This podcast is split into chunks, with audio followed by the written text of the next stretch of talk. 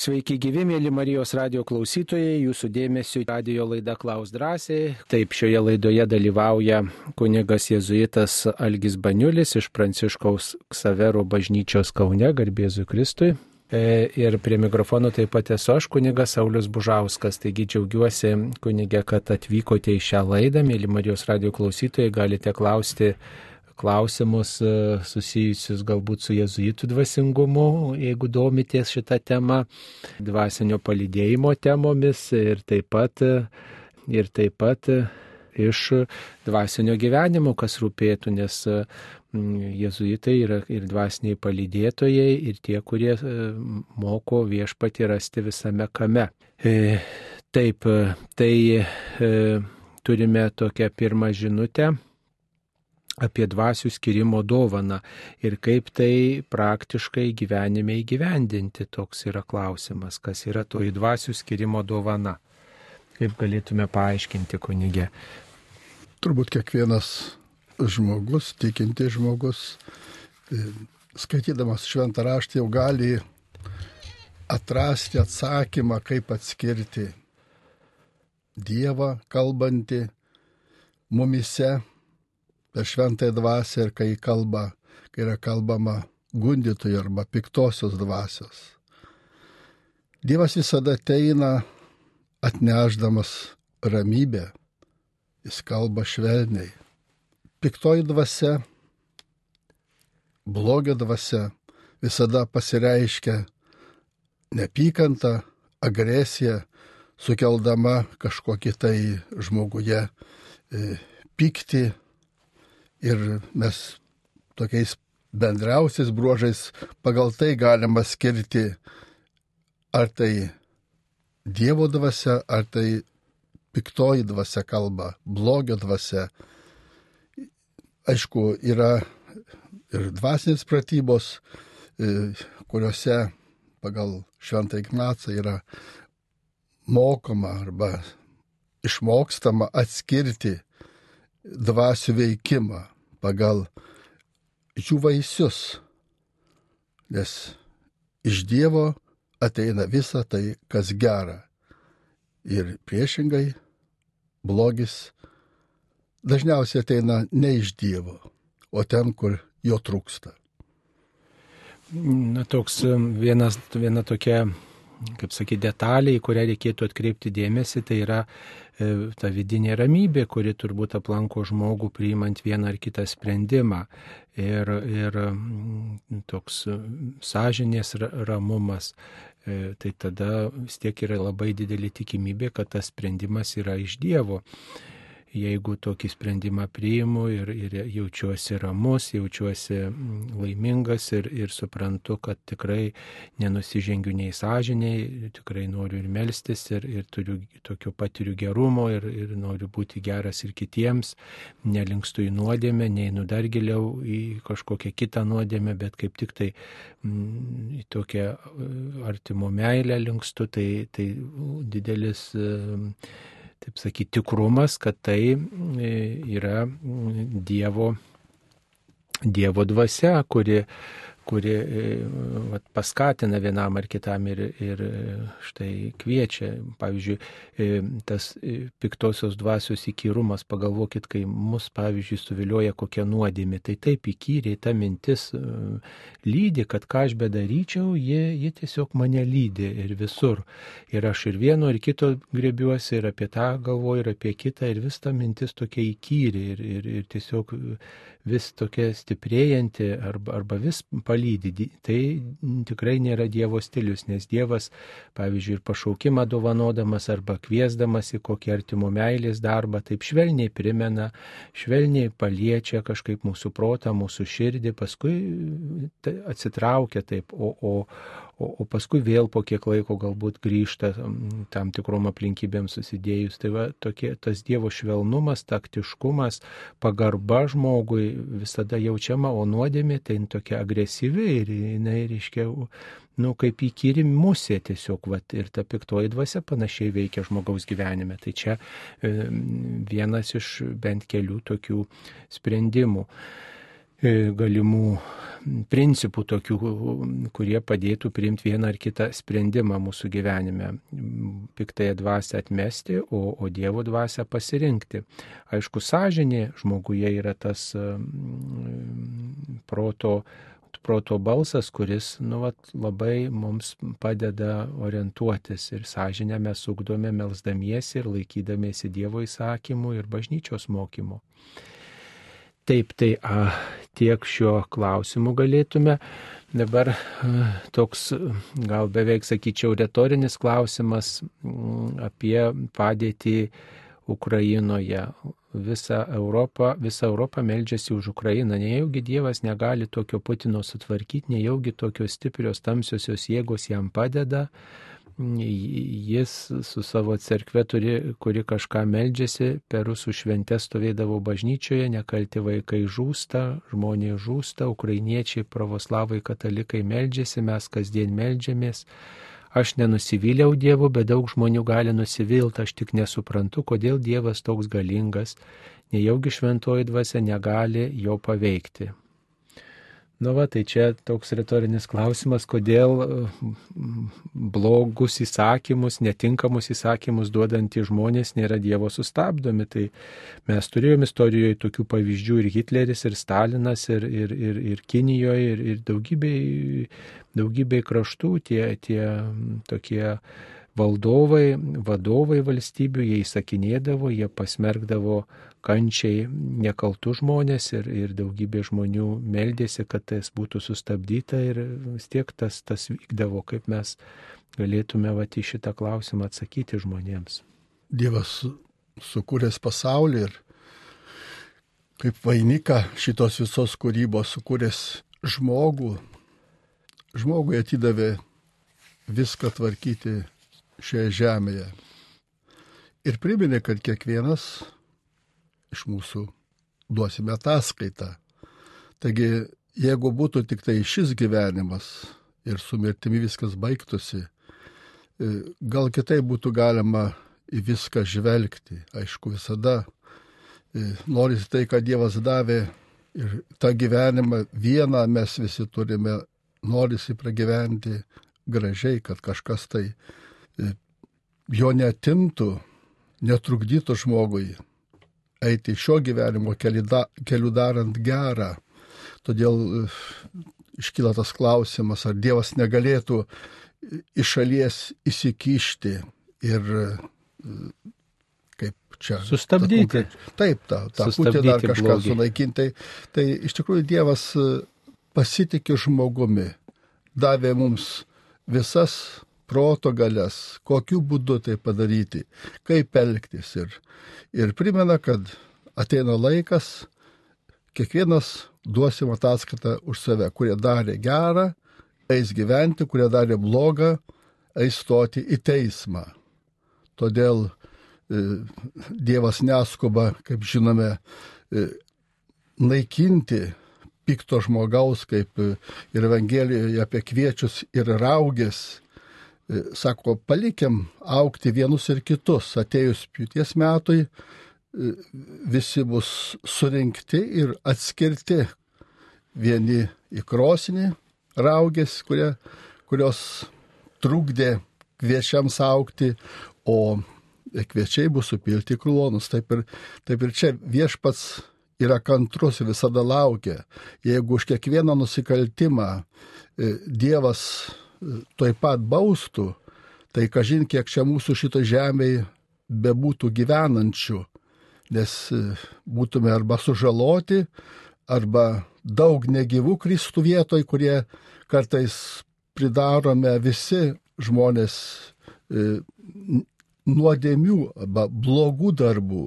Todėl Dievas leidžia, duoda laiko kiekvienam žmogui taisytis keltis, tam ir siuntė gelbėtoje Jėzų šitą pasaulį, kad padėtų žmogui prisikelti, nes viešpas atėjo ne pražudyti, bet išgelbėti žmonijos.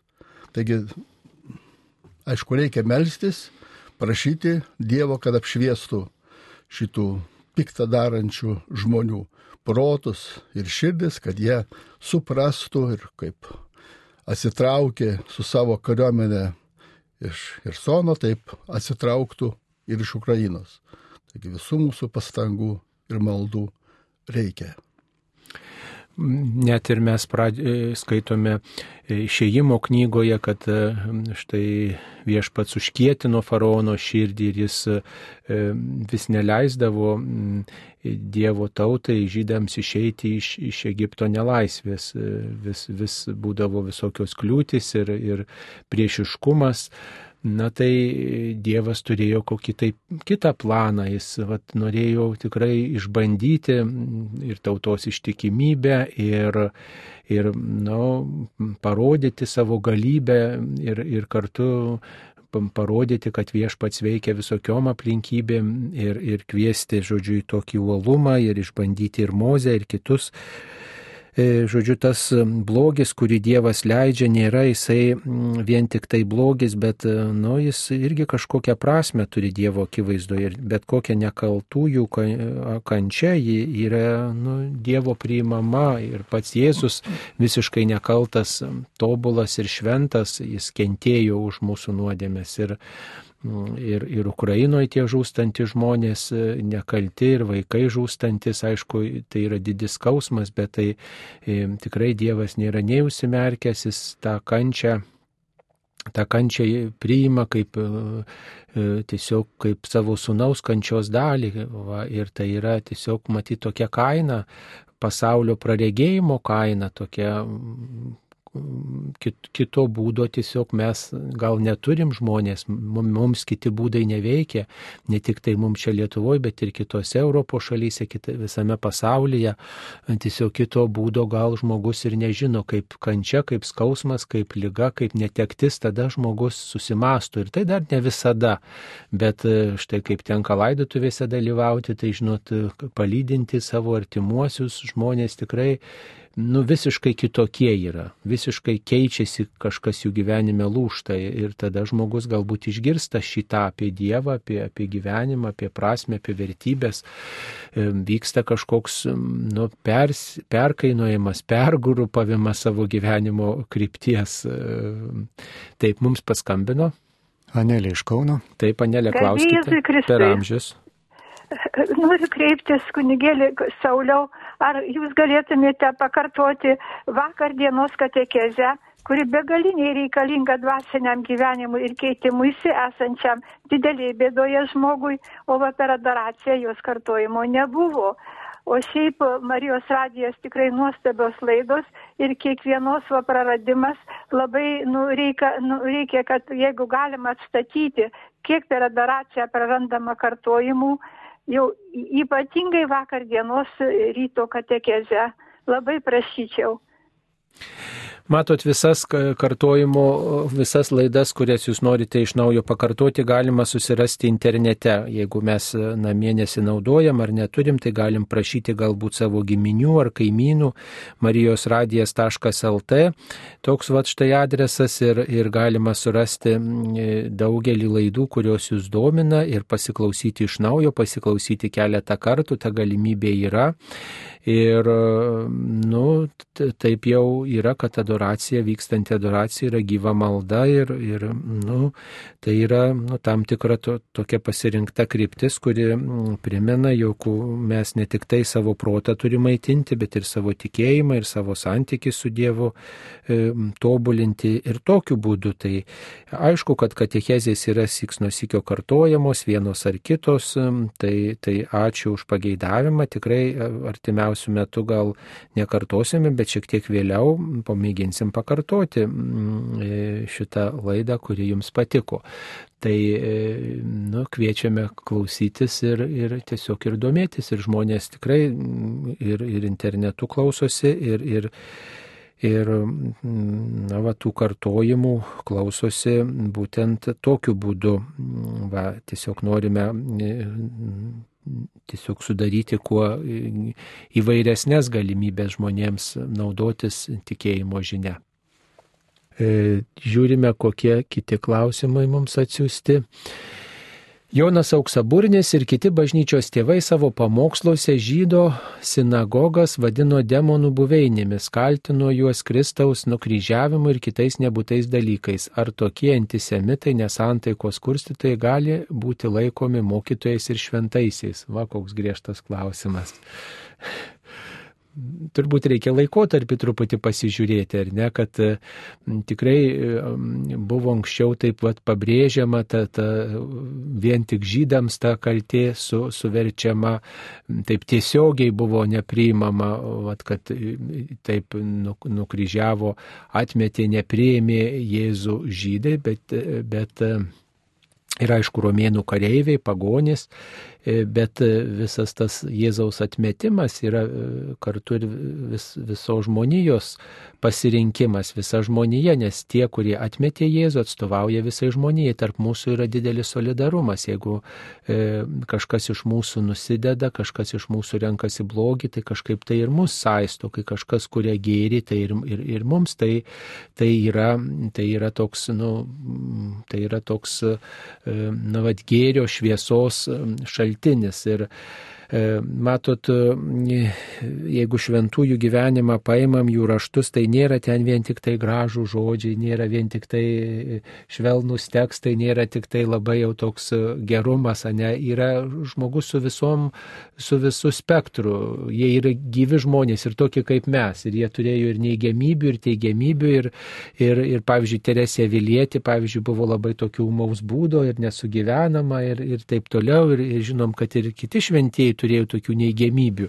E, net ir, e, pavyzdžiui, lietuvių gerbiami šventieji, palaimintieji irgi va kažkokią savybę turėjo, kiti, kuri gal kitus erzino, pasakė ka, kažkaip griežtai, bet žinom, kad ir jų gyvenime buvo atgaila, buvo ir atgailos momentų, ir, ir, ir tas troškimas būti tobulesniu, geresniu, ir atsiprašymas vienų ar kitų žmonių. Tai, tai, tai nereikėtų taip jau norėti, kad tas žmogus būtų visiškai baltas. Kaip tik kaip jame yra ta tokia vat, ieškojimas, požiūrių tai įvairovė tokia, tada tas žmogus nu, toks darosi artimas ir matai, kad ir aš galiu sekti Kristumi, nors ir manį yra, yra e, e, dėmėtumo.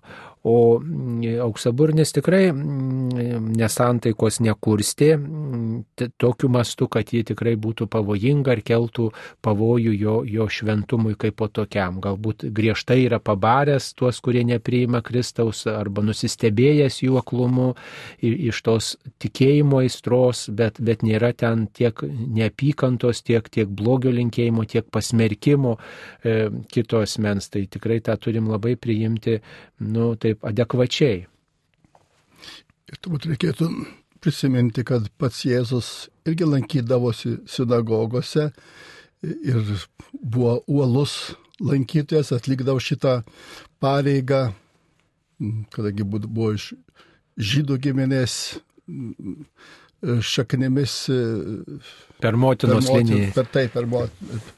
Taip, tai ir jis kalbėdavo, skaitydavo raštą ir aiškindavo, taip kad e, jeigu tai būtų e, vien blogis, tai viešpats nebūtų ten užėjęs, nebūtų e, kalbėjęs, nebūtų lankęsis. Todėl, kai, kaž, kai, kai kažkur išgirstame, kad kažkas kažką pasakė blogą, žin, pažvelkime ir į patį Jėzų, jo vertinimus ir kaip jis priimdavo vieną ar kitą, kaip matėm šitą sinagogos lankymą. Taip, taigi e, mes negalim ieškoti ir priešinti tautų vienų su kitais ir žmonės kažkaip pasmerkti, juk vis tiek reikėtų žiūrėti tokios brolystės dvasios, ne? Ir, ir, ir išvelgti, kas yra gera žmonėse, stengtis tą daryti. Nu, dar apie Marijos radiją vienas klausimas, kodėl jau tapo tradicija vis pavėluoti įjungti rožinį arba jo metu paleisti muziką, kuri garsesnė už maldą ir dažnai angelė pasirašo. E, na matot, pavėluoti įjungti rožinį. Tai yra daug visokių niuansų. Rožinis, e, kaip vyksta iš įvairiausių bažnyčių, reikia suderinti daugelį dalykų, žinot, žmonės nėra profesionalai, kurie meldžiasi, eterio profesionalai, nėra tie, kurie e, tiesiog labai įgudę, žodžiu, kartais ateina nu, vat, vos kelis kartus gyvenime prie mikrofono yra atsisėdę, tai viską suderinti, tai ne visada pavyksta taip sklandžiai, kaip norėtume. Tai tikrai labai atsiprašome, jei kam tas yra kažkaip nepatogu, matot, jeigu tie patys žmonės melstųsi iš tos pačios bažnyčios arba iš studijos, tai būtų viena, bet kai yra vis iš kitų bažnyčių, vis, vis iš įvairių bažnyčių ir tie žmonės keičiasi, e, žodžiu, ir, ir, ir pamiršta kiti toj pačioj e, laidoj, toj pačioj transliacijoje pamiršta, kaip reikia būti prie mikrofono. Tai, tai žodžiu, kyla visokių tokių techninių nesklandumų ir, ir, ir kai muzika, jeigu rožinio metu eina, tai mm, įvyksta tam tikri techniniai tokie e, nesklandumai, e, vis dar bandome derinti ir naujosios studijos įrangą, čia yra tokių, žodžiu, aparatūros tam tikrų netitikimų.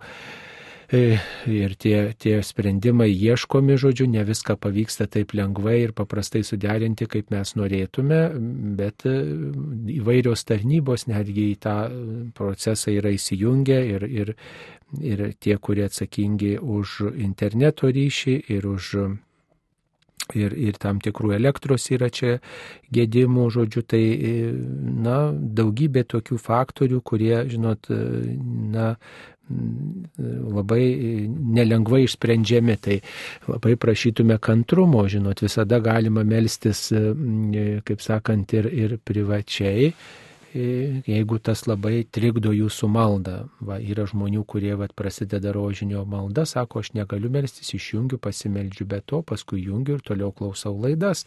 Yra žmonių, kurie klausosi ir meldžiasi patys, arba tik tyliai ir, ir klausosi, kaip kiti meldžiasi. Žodžiu, yra daugybė būdų, tai viso labo tik kvietimas melstis. Atsiprašom, jeigu kažką tas trikdo bet mėginame, stengiamės tikrai gerinti eterį ir, ir daugybė žmonių dėl to rūpinasi ir naktim nemiega ir, ir, ir kartais ir mes čia ir ginčijamės ir, ir ieškom sprendimų, bet ne, ne viskas taip lengvai, kaip kartais norėtųsi.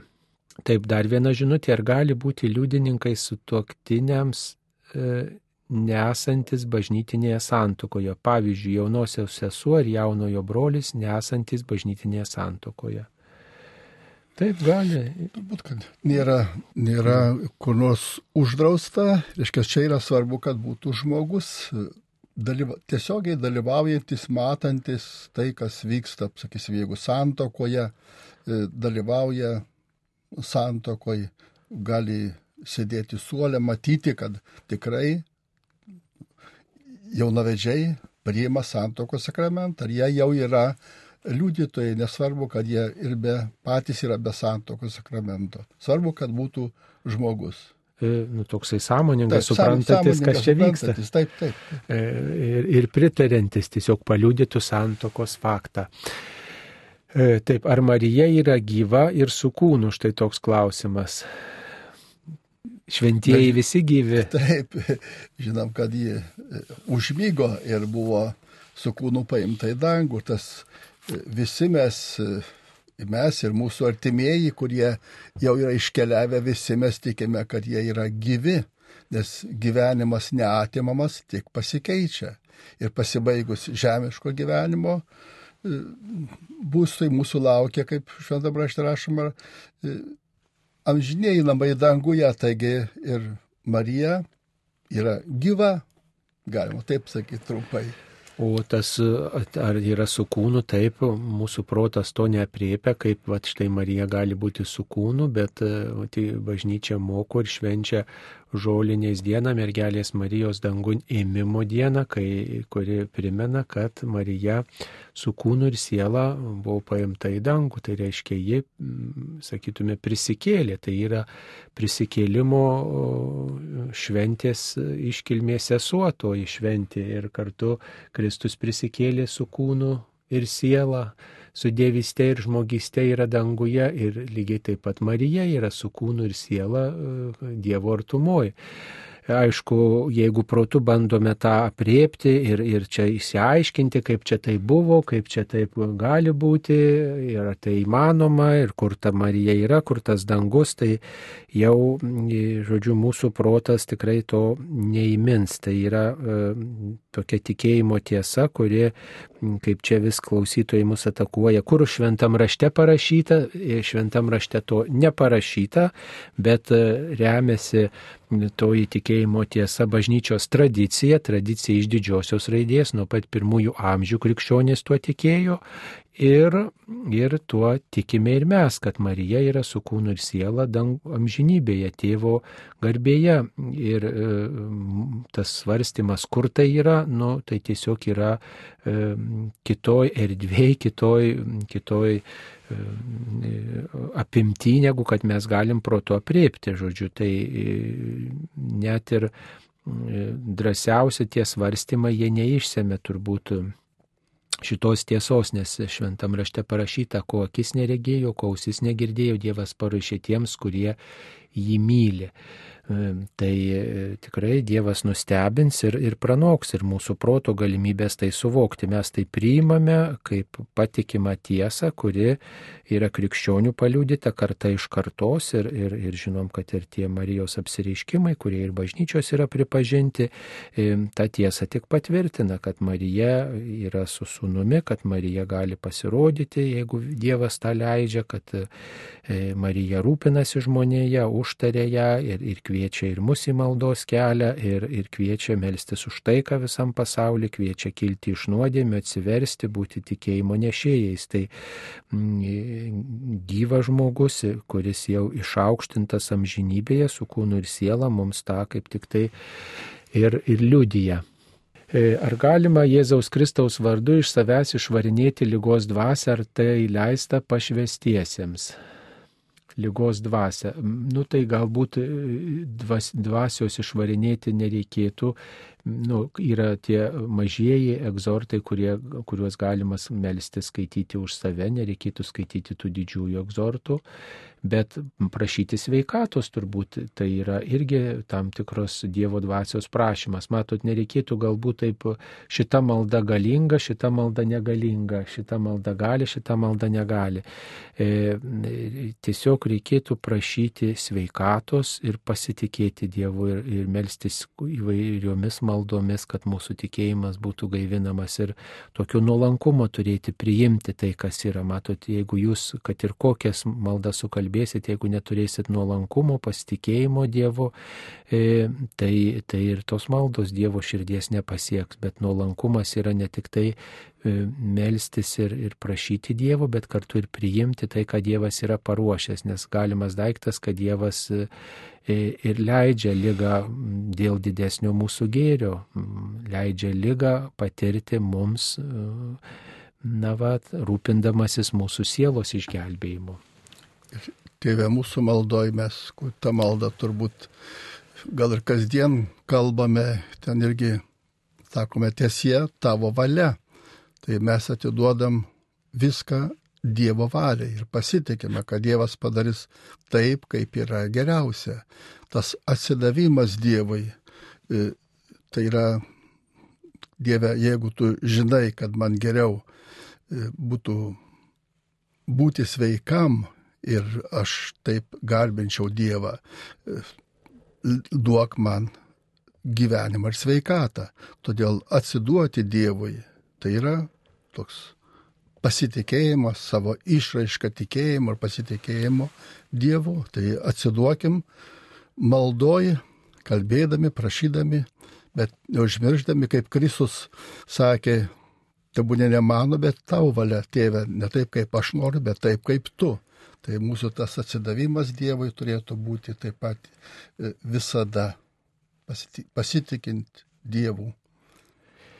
Taip, ar abortų skatinanti valdžia bažnyčios neturi būti paskelbta kaip skatinanti žudyti ir įvardinti žudikais ar vaiko nužudimais iš vis gali būti diskusijų objektas apie ar ne per švelniai bažnyčią kalba. Nu tai bažnyčia įvairiom progom apie tai pasisako ir, ir, ir kalba ir, ir, su, ir, ir toms moteriams, kurios mm, stumiamos į tokį kelią, siūlo ir pagalbą, ir kviečia apsispręsti, ir dėsto įvairiom progom ir savo mokymą, ir švenčia lapkričio mėnesį berots lapkričio 20, 21 ar 3, dabar neatsimenu dieną, negimusio kūdikio dieną. 23 lapkričio švenčiama negimusio kūdikio diena. Tai yra proga ir melstis e, už tai, už tuos, kurie ir, ir, ir žudo, ir, ir, ir patyrė abortą, ir už tuos, kurie e, tiesiog nu, va, tokiu būdu buvo nužudyti ir kartu kalbėti apie šią temą, tai yra apie tai kalbama, tačiau kas bus, kas nuo to pasikeis, jeigu paska, pasakysim, kad čia va, valdžia žudikai. Nu, tai, žinot, mes etiketę galim lengvai priklijuoti, bet ar nuo to kas pasikeis, reikia tiesiog kalbėti. Ir buvo visokių ir iniciatyvų, kiek žinau, net e, kažkada ir Seimo nariams buvo išdalintas e, toks maketėlis e, mažo kūdikėlio, ten kelių savaičių kūdikėlis kiekvienam Seimo nariui, tam, kad jisai suprastų, jog jau ta užsimesgusi gyvybė jau yra žmogus, tai įvairūs tie būdai yra e, tiesiog kviesti susimastyti apie, apie šitą va veiksmą, apie to veiksmo pražutingumą ir, ir tai e, nėra tik etikečių klyjavimas ar pasmerkimas jūsų iš įstatymo ribos. Tai e, tas duoda tik tai tokią atskirtį ir, žinot, ir, ir ne, ne visada tai yra pats konstruktyviausias kitas dalykas. Ir dar gal pasakyčiau, kad e, valdžios turbūt gal ne viena taip, kad skatintų žudyti, čia toks įsireiškimas gal e, ne visai tikslus. E, valdžia arba, kad pas mus Seimas priima įstatymus, kurie leidžia daryti abortas, bet kad ką nors skatintų, tai čia gali būti kažkoks tai privatus biznis ar kažkoks privatus gydytojas, bet taip valdžia tiek, tiek Junktinėse Amerikos valstybėse, tiek kitose valstybėse yra įstatymai, kurie leidžia daryti abortą, bet kad skatintų arba kviestų daryti, aš negirdėjau tokių dalykų. Taip, mums paskambino. Julija iš Liškevos. Taip, Julija, klauskite, jūs eteryje. Taip, garbėzui Kristui. Per amžius. Kas yra nuolankumas, suprantu, žmogus gali būti nuolankus ir orus Dievo kūrinys. Malonėkite paaiškinti nusižeminimo darybė. Kada aš nusižeminu, va šito nelabai, nesuprantu, nelabai suprantu, ką, ką reiškia nusižeminti. Vis tiek esu Dievo kūrinys, turiu išlikti orus, bet sakau, nuolankumą suprantu, nusižeminimo ne. Viena. Antra, dar dar norisi dėl, kaip čia pasakyti, liturginių metų paskelbimo.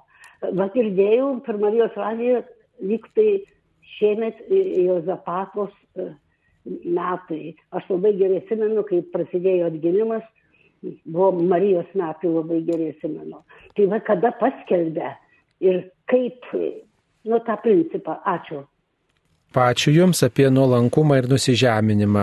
Ar čia galima brėžti kažkokią atskirtį tarp šitų dviejų savokų?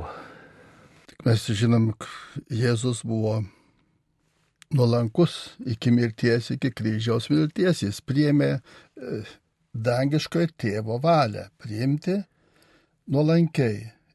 Galima melstis ir Jėzus meldėsi alyvų sodė, jei galima šitą taurė tegul praeina, e, bet tebūnie ne mano, bet tavo valia nusižeminimas ir nuolankumas. Tai yra e, jos labai lygiai grečiai galbūt eina nusižeminimas.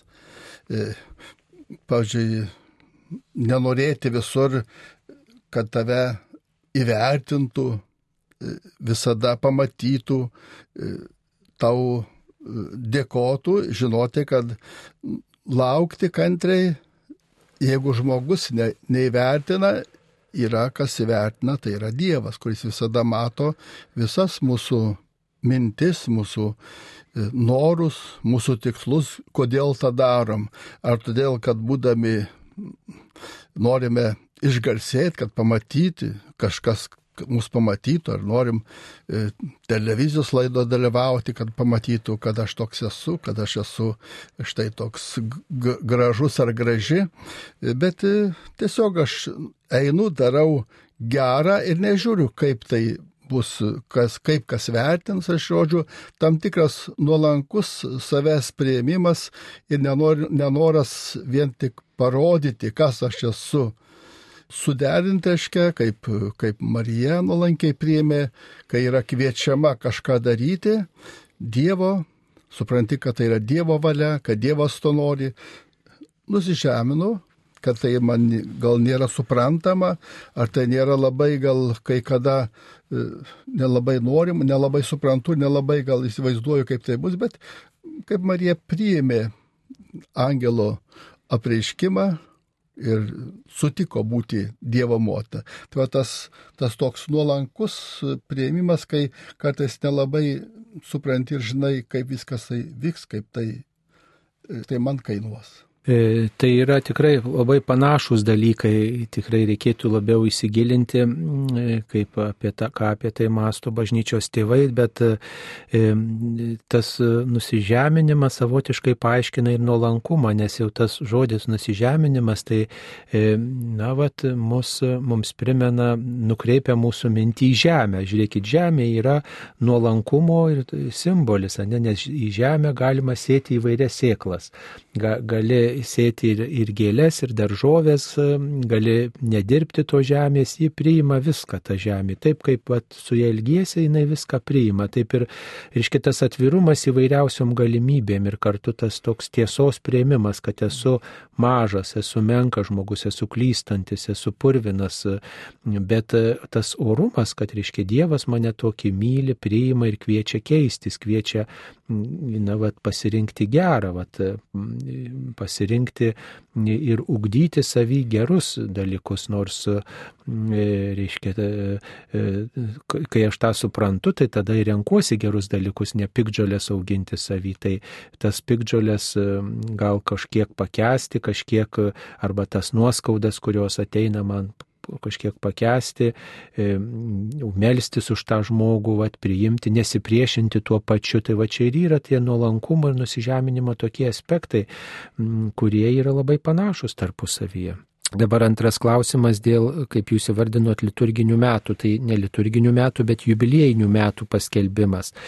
Nes šventasis Jozapatas mirė 1623 metais ir jo liturginis minėjimas yra lapkričio 12 dieną ir e, e, e, lapkričio 12 diena yra kaip tik tai šiandien ir kaip tik tai šiandien šventasis Jozapatas yra minimas bažnyčios liturgijoje. E, na tai čia ir tiesiog pagerbiama ir Ukraina, nes jis gimė Ukrainoje, šventasis Jozapatas Jonas Kuncevičius, stačiatikių šeimoje ir jis gyveno ir dirbo, mokėsi ir Vilniuje, bet e, įstojo į rytų apieigų unitų bažnyčią ir Vilniuje tą padarė, švenčiausios trybės vienuolynę ir nors jo vardas Jonas, bet tada buvo vienuolinės vardas Juozapas, Juozapatas suteiktas. Na ir jisai tą vienybę gynė, buvo geras pamokslininkas ir tapo vėliau Polotsko arkivyskupų mėgino atkurti vienybę su Romos bažnyčia. Tai nužudytas buvo 1623 metais ir va lapkričio 12 yra liturginis jo minėjimas. Tai ateinantys metai, va, jam ypatingai bus pašvesti įvairiais renginiais, tie, tie jubiliejiniai metai tuo ir pasireiškia, kad būna ne tik tai E, kažkoks e, liturginis minėjimas vienoje ar kitoje vietoje, vienoje ar kitoje bažnyčioje, bet kartu rengiamos ir konferencijos, ir, ir, ir įvairūs renginiai, parodos, ir susitikimai, ir kelionės piligriminės e, rengiamos susijusios su, švent, su to šventojo, šiuo, šiuo atveju šventojo Zapato gyvenimo tokiomis vietomis po tas keliones, po tas vietas vietas rengiamos kelionės, tai žodžiu, pa, tas pažymėjimas tuo ir, ir, ir, ir pasireiškia, kad per tuose renginiuose yra paminimas vienas ar kitas šventasis, o, o tas iškilmingo tokio atidarimo ne visuomet būna. Tiesiog, pavyzdžiui, vienas tokių iškilmingiausių jubiliejinių renginių atidarimų, tai yra jubiliejiniai metai, kai atidaromos durys, pavyzdžiui, bažnyčioj. E, Romoje bazilikos durys yra atidaromos specialios durys, popiežiui dalyvaujant, atidaromos ir vietinėse bažnyčiose, katedrų arba specialių šventovių durys, tai va toks regimiausias ženklas, bet kai minimi kiti metai e, jubiliejiniai, na tai tiesiog būna iškilmingos mišios, tuo pažymimas tas renginys ir, ir, ir taip ir pagerbiamas e, tas šventasis, žodžiu, homilijoje, e, liturginėme minėjime, maldų tekstuose, kreipiniuose, specialiuose maldose į, į vieną ar kitą šventąjį, o paskui kreipiamas dėmesys periodiškai atlaiduose, tam tikrose šventėse, renginiuose, kelionėse, žodžiu, konferencijose. Tai, tai tokiu būdu tai, tie, tie jubiliejai e, vyksta tam, kad būtų atkreipta žmonių dėmesys į vieną ar kitą šventąjį.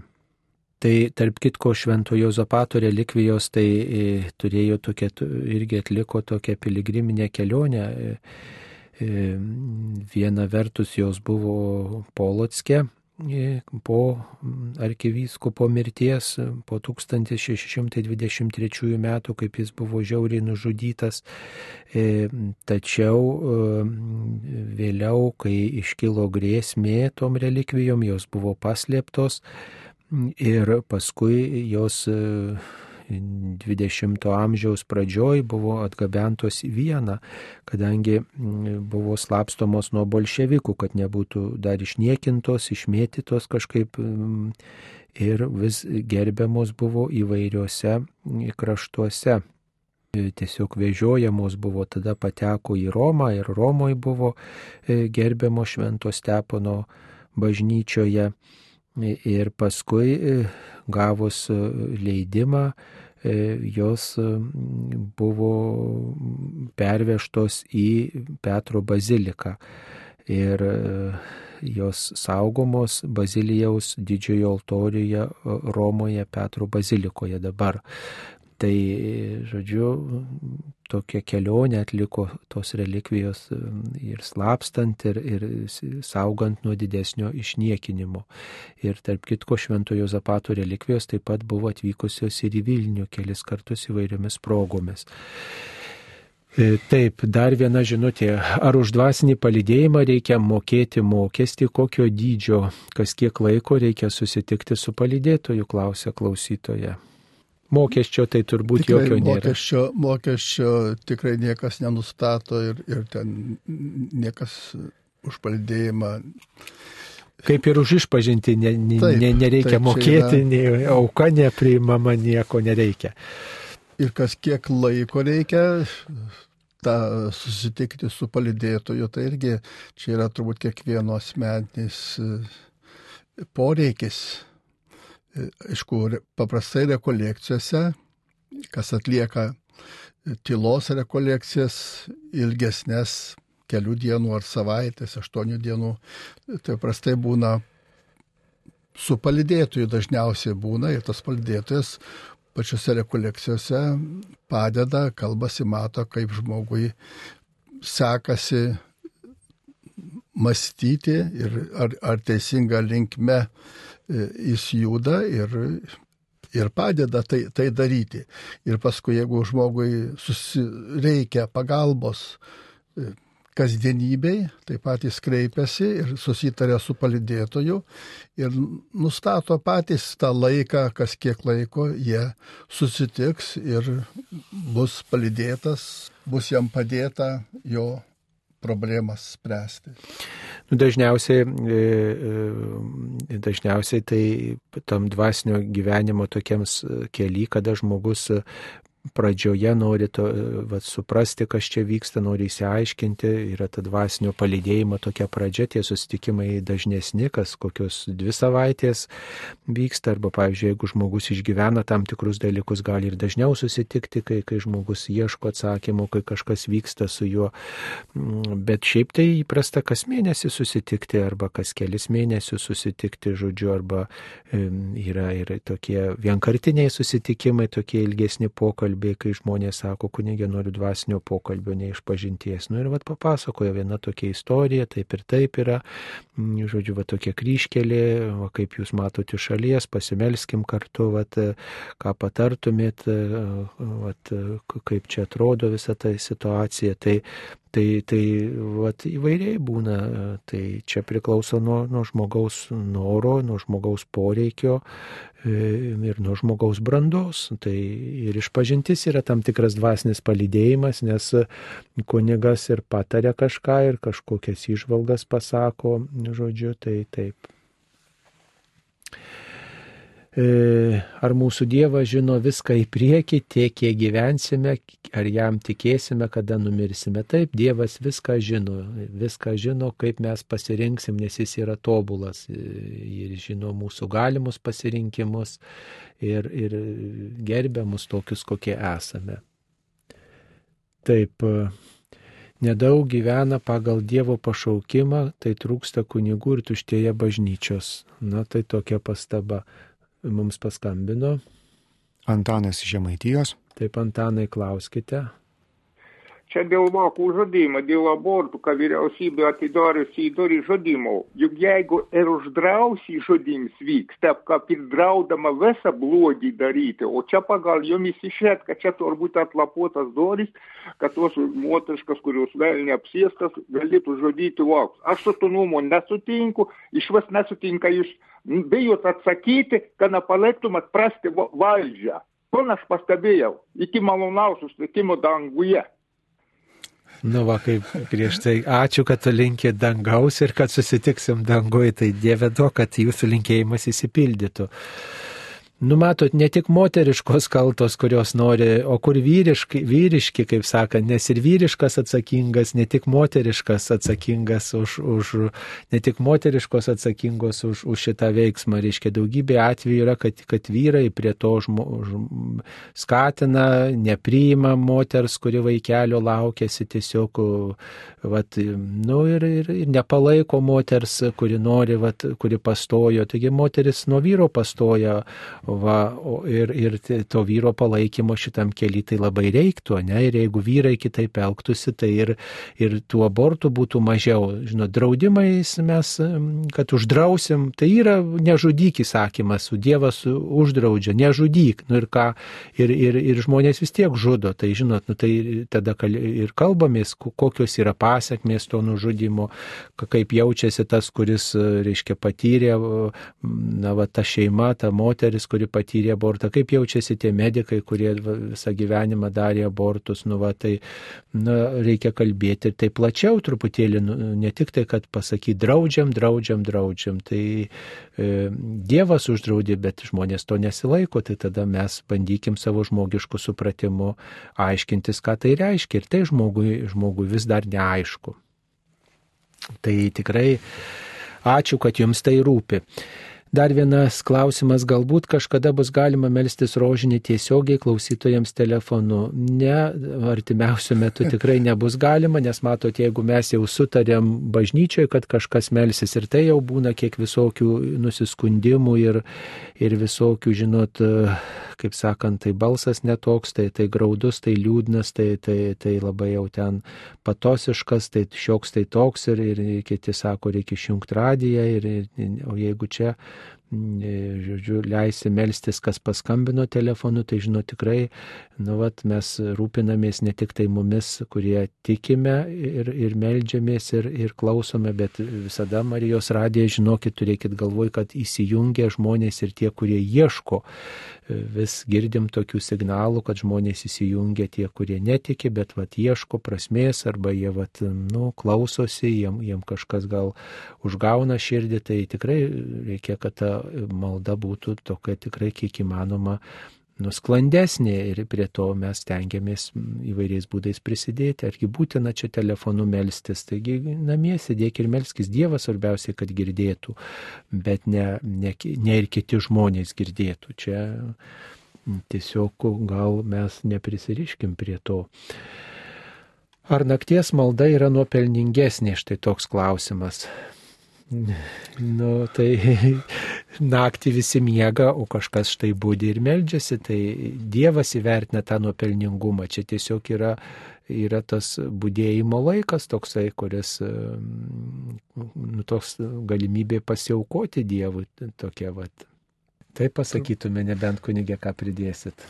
Turbūt, kad čia žmogaus pasirinkimas jeigu kartais e, miegas neima ir nori pasimelsti arba pasiryžo už kažką tai pasiaukoti ir e, atsikelti, pertraukdamas savo saldų nakties miegą pasimelsti, tai e, tam tikra auka, reiškia, bet taip galima ir dieną užtenka laiko maldai ir pas Dievą nėra to dvigubo apmokėjimo, kaip dirbant savaitgaliais kartais kai kuriuose įstaigose. Taigi ta malda visada Dievas gali tik tai įvertinti jos vertę. Ir... Mums paskambino Bernadeta iš Kauno. Taip, klauskite. Garbėsui Kristui. Per amžius. Labai norėčiau, kad paaiškintumėt vakar dienos Evangelijos Kristaus žodžius ten kalbama apie jo ateimą ir kaip du gulės vienoje lovoje, vienas bus paimtas, kitas paliktas, dvi mals vienomis girnomis, viena palikta, kita paimta. Ir kaip apaštalai paklausė, o kurgi? Jėzus atsakė, kur bus lavonų, ten suskris maitvanagiai. Kaip šitą Jėzaus atsakymą suprasti? Labai norėčiau, kad išaiškintumėt.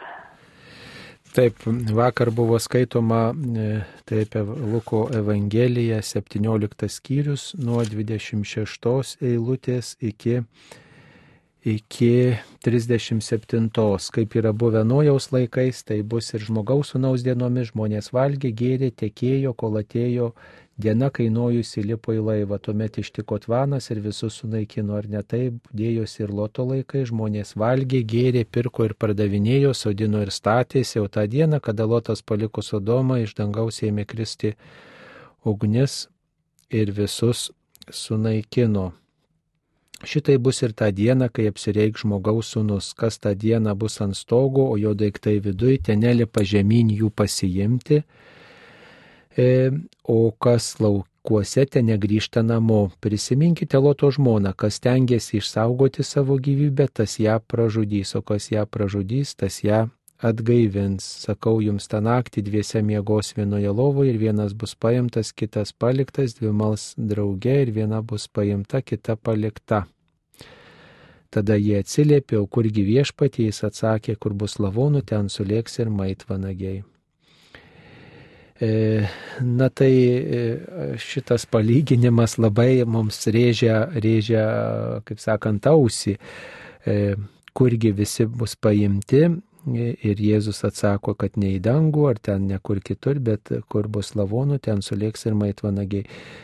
Čia tokia hebrajiška patarlė, kurios atitikmens E, mes e, taip neturim tokio tiesioginio atitikmens, reikėtų gal paieškoti, koks čia tiktų atitikmuo, tikriausiai kažkoks panašus yra, kad ten, kur yra lobis, ten visi ir sulėkia, maždaug tokia mintis, ne tik tai tokiu gal gana širkščių būdų yra pasakyta, vat, lavonai, maitvanagiai, tokia nemiela tema yra maitvanagiai, e, žuvę padarai, tai e, mums sunkiai priimtina tokia tema, bet e, čia išvelgiamas toks dėmesys maždaug turime galvoj Jėzaus vis dėlto tas, ta trauka tokia kita vertus, ne?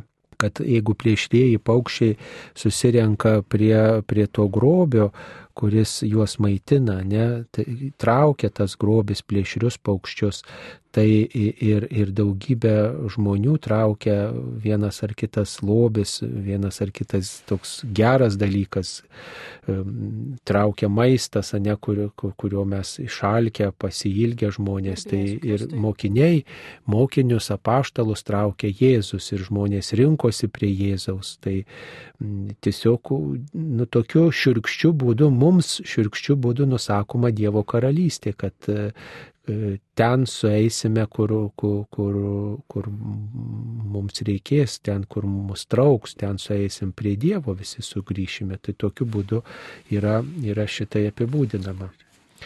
Taip, nuo 26 iki 37 eilutės.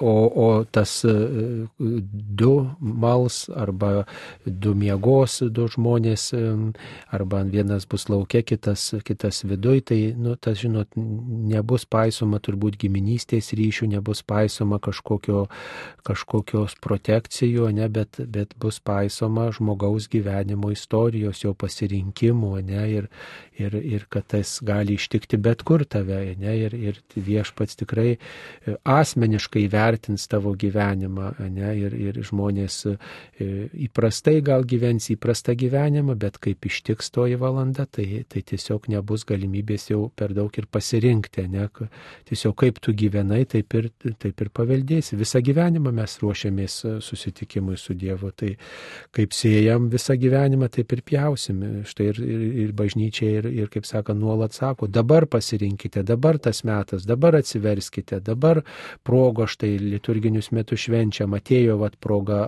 žmogau atsiversk, vat laidutuvės, prieik iš pažinties, susitaikyk, atleisk, vat maldos laikas, ateik, sekmadienis yra, ateik viešpati garbit, ne tik tam tikrą progą, arba proga atsirado, pasinaudok tą progą, nes nežinai, kokia tavo valanda.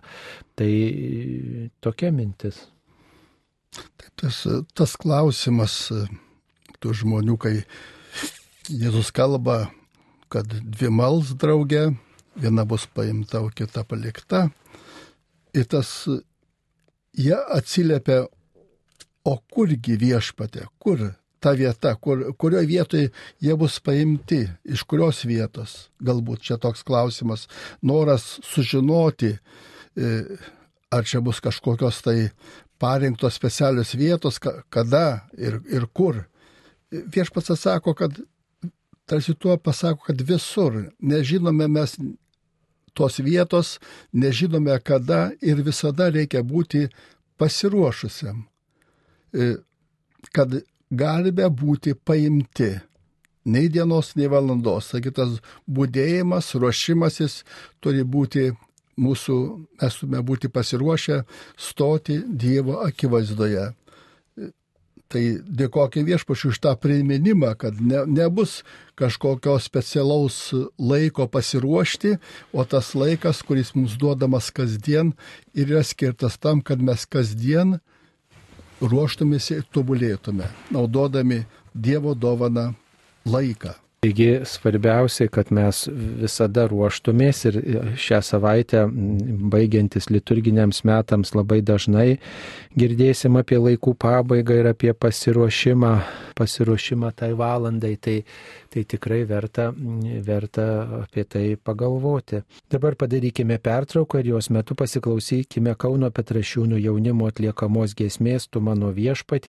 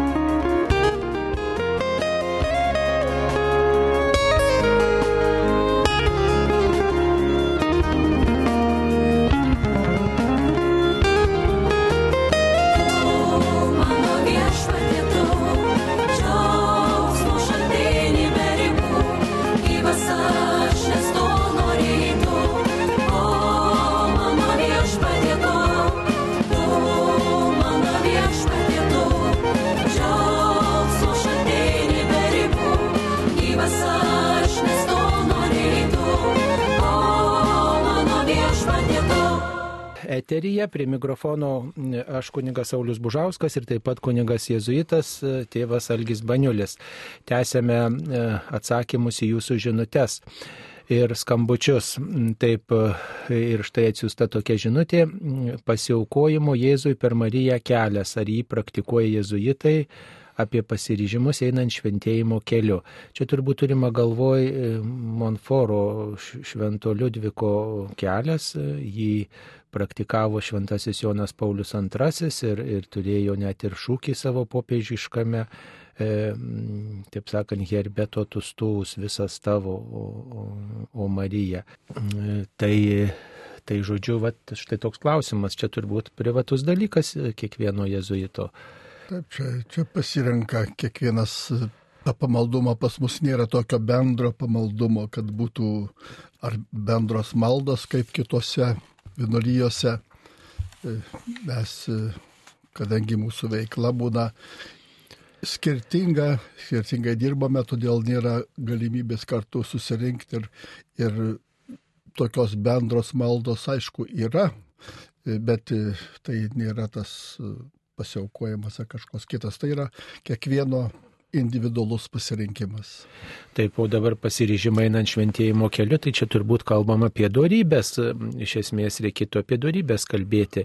E, septynios didžiosios nuodėmės, septynios didžiosios darybės, kurios yra priešingos tom nuodėmėm ir, e, ir, kalb, ir apie tai, reiškia, reikia svarstyti, pasiryšti vieno ar kito dalyko siekti. Pavyzdžiui, kalbėjom apie nuolankumą, tai priešingybė yra puikybė. Jeigu žmogus žmogus atpažįsta puikybę ir bando tos puikybės atsisakyti. Godumas, pavyzdžiui, ne tai kita priešybė yra dosnumas va, ir, ir taip toliau. Nesaikingumas valgiamuose gėrimuose, tai saikingumas va, ir, ir, ir siekti to, to, to saiko vartojime. Va, tokio kuklumo vartojime įvairiuose materialiuose dalykuose. Tai va tokie būtų tie pasiryžimai. Taip, ar būtų galimybė laidą Klaus drąsiai su Karmelitu Labanausku įsirašyti, tai galite klausyti internete. Yra marijosradijas.lt, galima surasti ir pasiklausyti nuolat.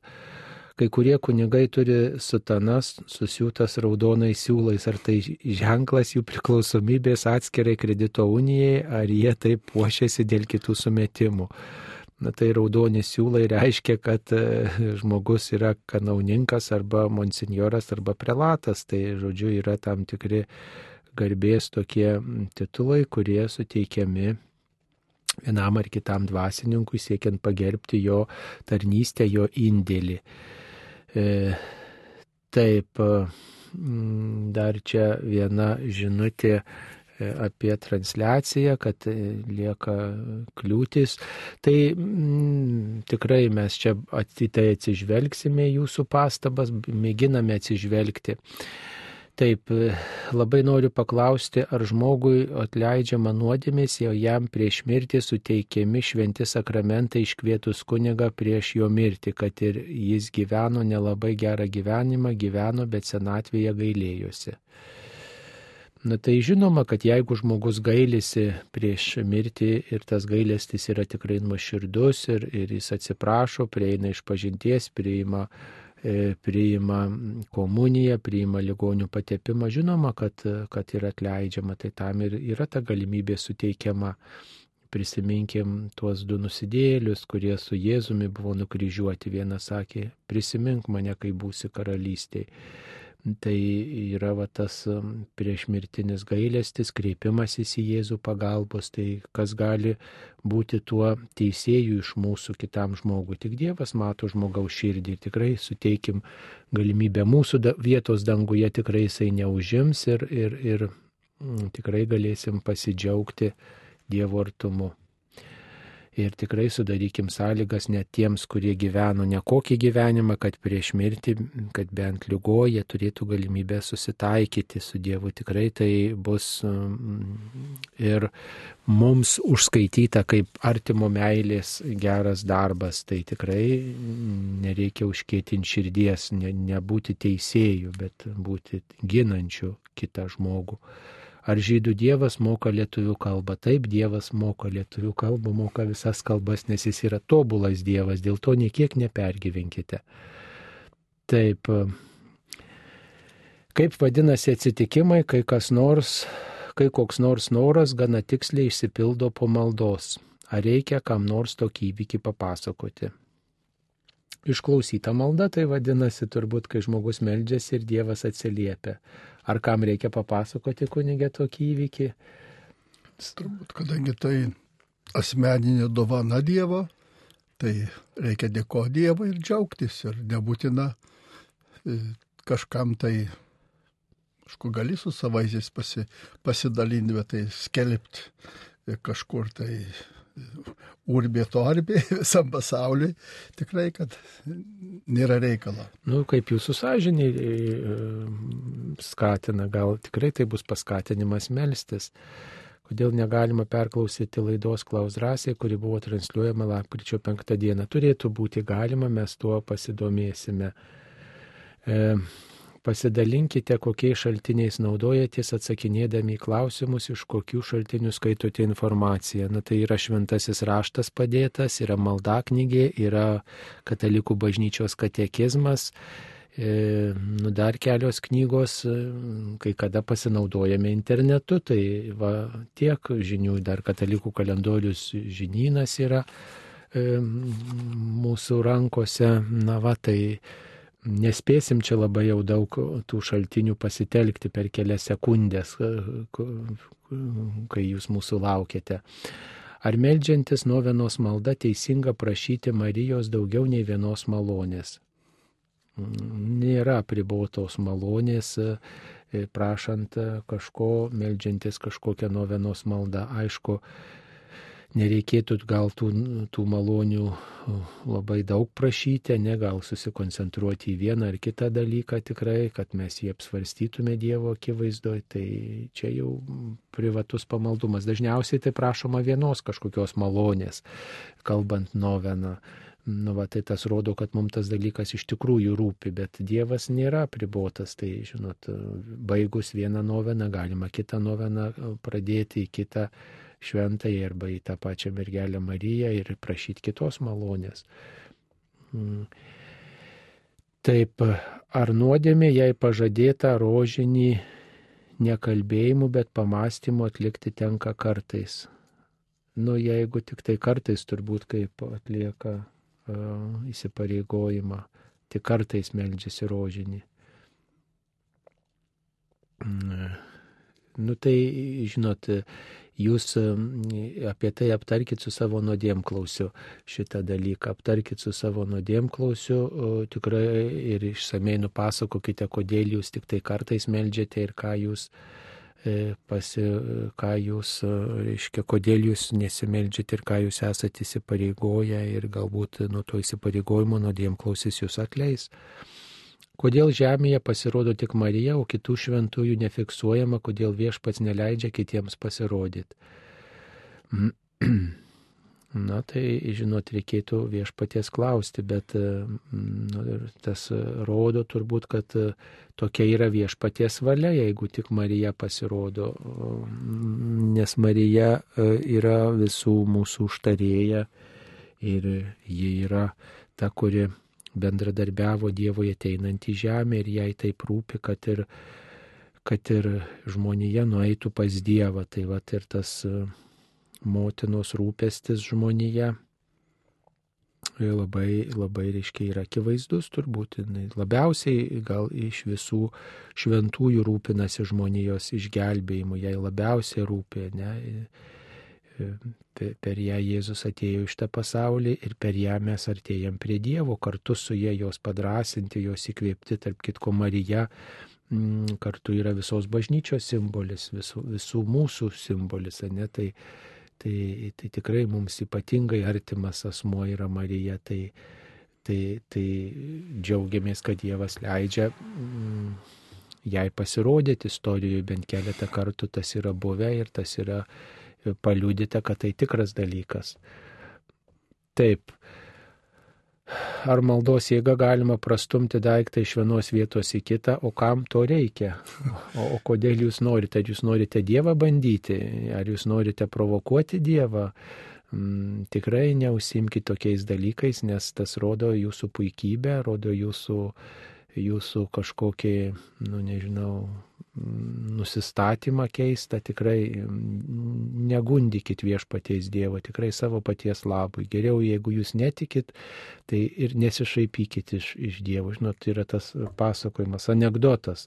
Vaikų prašo parodyti špygą Dievui. Sako, visi parodykim Dievui špygą, visi rodo. Dievui špygą, o vienas vaikas nerodo. Sako, vaikeli, kodėl tu nerodai? Sako, jeigu Dievo nėra, tai kam rodyti tą špygą, o jeigu yra, tai jau geriau nerodyk. Tai aš sakyčiau ir jūs, jeigu jūs netiki Dievu, jeigu jums tai atrodo čia beprasmiškas dalykas, nu tai palikit, nu netikiu, tokią pagarbą parodykit e, tiems, kurie tiki, tai tikrai e, bus daugiau žmogiškumo bus o jeigu jūs šaipysitės ir niekinsite, tai tikrai nu, tiesiog save pažemina. Dievo jūs nepažeminsit, jūs tik pažeminsit save, paniekinsit ir save atskirsit nuo Dievo. Ir tikrai ateis laikas, kai labai reiks gailėtis dėl to, kad aš niekinau kitą. Kaip sakant, lasda turi du galus, prisiminkit žmonijos išminti. Taip čia mm, maldos nuotrupėlės atsiustos tokios tikrai žmonės kviečia melstis ir patys meldžiasi. Ar kiekvienas kunigas gali tapti žmogui palydėtojų? Kaip pasirinkti kunigą, klausė Julija. Kiek žinau, bent jau Kaune yra kursai palidėtojų, kurios praveda gyvenimo tikėjimo institutas. Reikia įsirašyti ir pasakys, kada jie prasideda ir tokiu būdu pasiruošimas vyksta. Ir paskui jeigu žmogui sekasi, jis pats jaučiasi, kad jis gali palidėti, tada jis tą galę pasinaudoja. Taip, taip, taip, taip.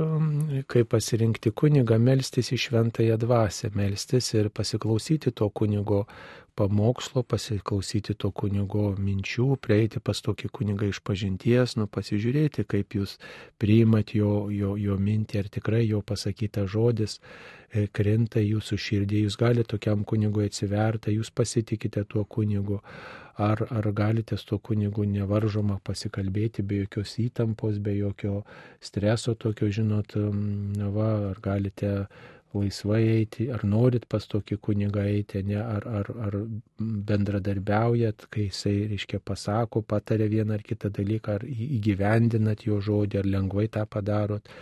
Prašykit dvasios šviesos tokios, ne? Ir tikrai kiekvienas kunigas gali būti nuodėm klausiu, o, o reiškia tas dvasinis palydėjimas, tai ar tas kunigas gali skirti laiko, ar jisai sutinka skirti laiko mm, ilgesniems pokalbėms ir jūs išklausyti sutinka. Taip. Sveiki, esu senutė lygota, bet mano sūnaus sugyventinė nekreipė dėmesio. Man pasakė, kad nori dar vieno vaiko, aš jau du jai paauginau ir jau neturiu daugiau sveikatos. Dažnai būnu reanimacijų, tada ji padarė abortą, nes pati nenori sėdėti su vaiku, ar aš už tai esu kalta, kad nepajėgiu auginti, prašau paaiškinti, ką man daryti. Taigi, nu, jūs tikrai nesat kalta, e, jūsų, ne jūsų čia, e, taip sakant, e, vaikas, bet jūsų sūnaus sugyventinė, kaip jūs rašote. Tai visų pirma, už vaikų prieimimą atsakingi tėvai, už vaikų auginimą, auklėjimą, ugdymą, o, o jūs tikrai ta kaltė jūsų Čia jūsų kalties nėra, nes tikrai nebent jūs būtumėte įkalbinėjusi, pritarusi e, tam žingsniui e, va, e, ir, ir, ir tiesiog palaikiusi va, tam keliui, tai tada yra kaltė, bet jeigu tiesiog jūs pasakėt, kad aš negaliu, neturiu sveikatos, tai tikrai tai negali būti priežastis motinai daryti abortą, nes uošvienė arba su gyventiniu mama ar ten močiutė kažkokia neturi laiko, neturi sveikatos, nes už vaikų auginimą pirmiausia atsakingi tėvai.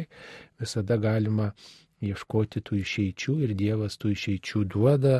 Kaip sako, ateina nauja gyvybė, ateina vaikas ir atsineša tą duonos kasnelį, atsineša savo dalę ir, ir tikrai kažkaip pagalvojus galima surasti išeitį. Ir yra ir, ir, ir darželiai visokie, ir, ir, ir draugai, ir kaimynai, ir, ir galima ir tą darbo dieną kažkaip sutrumpinti, sumažinti, ir darbas iš namų yra, ir, Mm, ir galų gale mm, yra mm, gal ir kaimynai, ir kiti giminės, nu, ir, ir galima gal kažką ir samdyti, ir prašyti, dabar galų gale yra ir tas internetas, kur kelios šeimos susimeta ir prižiūri vieni kitų vaikus, žodžiu, daugybė visokių atvejų yra, kur, kur, kur išeičių tokių yra, kur, kur, kur, kurie nu, yra kaip, iš, kaip pagalba šeimai auginti vaikelį ir kad nėra kaip užauginti, tai čia nėra tas pateisinimas nužudyti kitą žmogų, nėra ta tokia rimta priežastis. Čia atsakomybę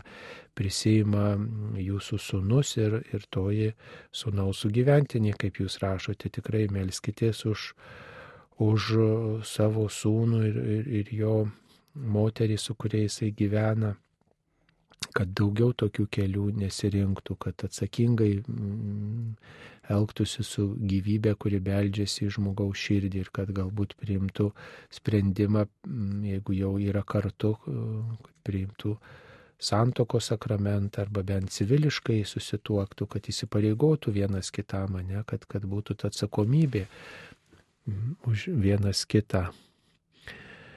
Taip.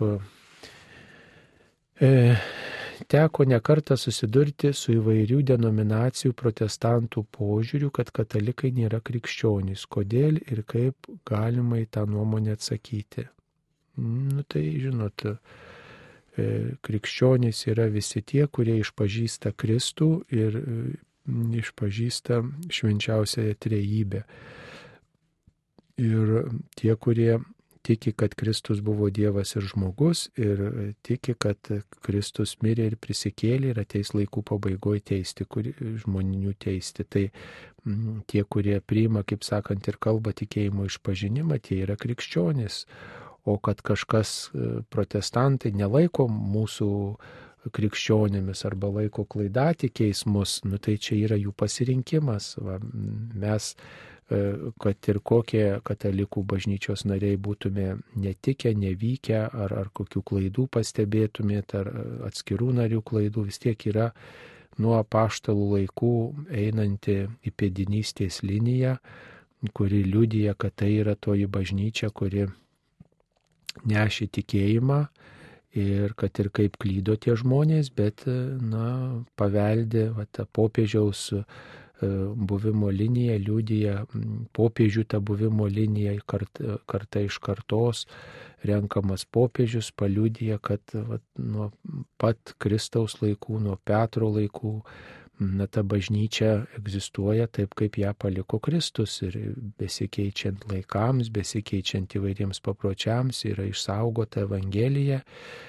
išsaugotas tikėjimas, e, kuris kas kart atnaujinamas, kitaip sakant, vis grįžtama prie pirmųjų amžių ir, ir kartu įvertinant ir visų laikų, visų amžių tuos atradimus, išvalgas, derinant su, su, su tuo tikėjimu, kuris, kuris perduotas paties Kristaus, o kad kažkas mus tokiais laiko, tai yra jų reikalas, jų pasirinkimas. O ką galima į tą nuomonę atsakyti, kad tai yra klaidinga nuomonė. E, kada atsirado protestantai ir kada atsirado katalikai, taip klauskite, ne, kad katalikai yra bažnyčia, kuri egzistavo nuo, nuo, nuo Jėzaus laikų, nuo paštalų laikų, protestantai atskilo nuo tos bažnyčios 16 um, amžiui. Tai Tai kur, kas čia, kas yra čia tikras, kas yra netikras, nu, nereikėtų taip skirstytis, bet žiūrėti, o kas mus vienyje, žiūrėti, o ką mes galim bendrai padaryti. Vat taip klausimą kelkite, ne, o ko čia mes pasakysim, jūs nesat krikščionys, mes tikrieji, tai irgi gal neišeitis.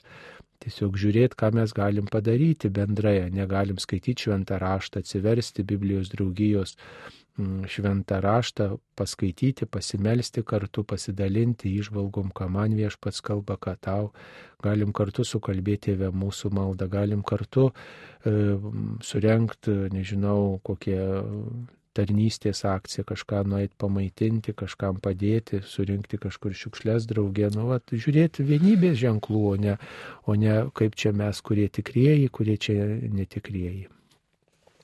Kunigė, gal ką pridėsite dar? Pagrindinis dalykas tai yra Dievo žodis, šventas raštas, kurį vis, visi, visos krikščioniškos bažnyčios naudojasi. Tai, reiškia, jeigu šventų raštų naudojamės bendrai, tai visi mes esam krikščionys ir yra e, Lietuvos ir, ir pasaulyje daug yra Biblijos draugijų, kur viso, įvairios denominacijos krikščioniškos bendrai kartu jungiasi ir leidžia šventai raštą, tuo pačiu paliūdė, kad mes visi esame krikščionys, nesam musulmonai, nes, nes ne, naudojami šventuoju raštu. Taip, kaip suprasti, Jėzus pasakė, būsiu su jumis iki pasaulio pabaigos. Ar tai su pasaulio pabaiga baigsis ir amžinasis gyvenimas, klausė Antanas. Ne, su pasaulio pabaiga amžinasis gyvenimas nesibaigs, bet jisai, nu kaip čia pasakyti, išsipildys, atsiskleis visas jo, jo, jo, jo grožis, jo prasmė, jo gilumas. O būsiu su jumis per visas dienas, tai reiškia, kad šitam pasaulyje, kur mes gyvename, kuris turi tam tikras ribas, šitas pasaulis, jisai turėjo pradžią, tai aišku, kad jis kažkada turės ir pabaigą, nes viskas yra trapu ir, ir, ir, ir laikina, kas materialu.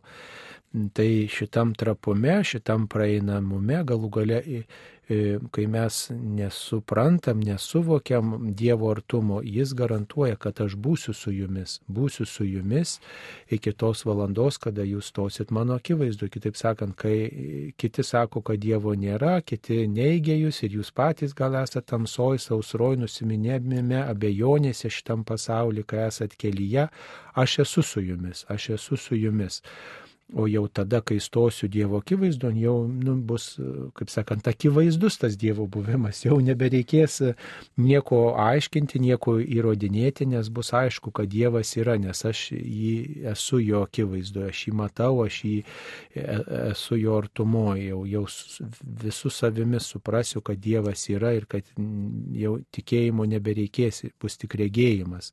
Tikėjimas yra šio pasaulio E, tokia tikrovė, ne kaip ir viltis, ne, jinai, jinai kažkada išsipildys ir jos nebereikės, kai stosiu Dievo akivaizduojant. Tai yra šio pasaulio patirtis tikėti, ne, nematant, o paskui bus Dievo regėjimas. Palaiminti tyra širdžiai, jei regės Dievą.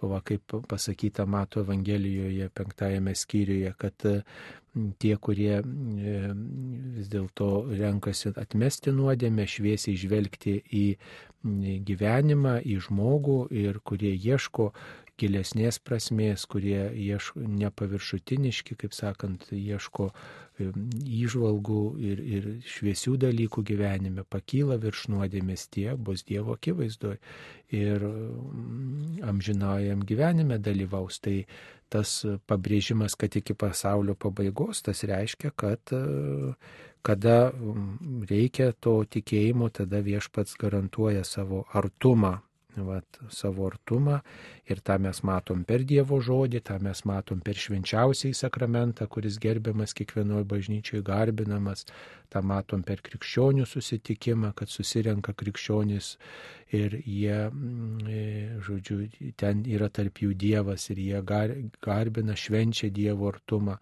ir ten, kur yra žmogus, ten ir yra viešpats. Tai tą, tą primena viešpats, tiesiog padrasina mus tokiais žodžiais. Taigi, žiūrim, ką dar mums atsintėte, kaip toleruoti žmogų, kuris save laiko budistu, kuo jie tiki. Budistai ieško nušvietimo, ar teko susitikti su budistu? Neteko kunigė. Teko, bet kalbėtis neteko.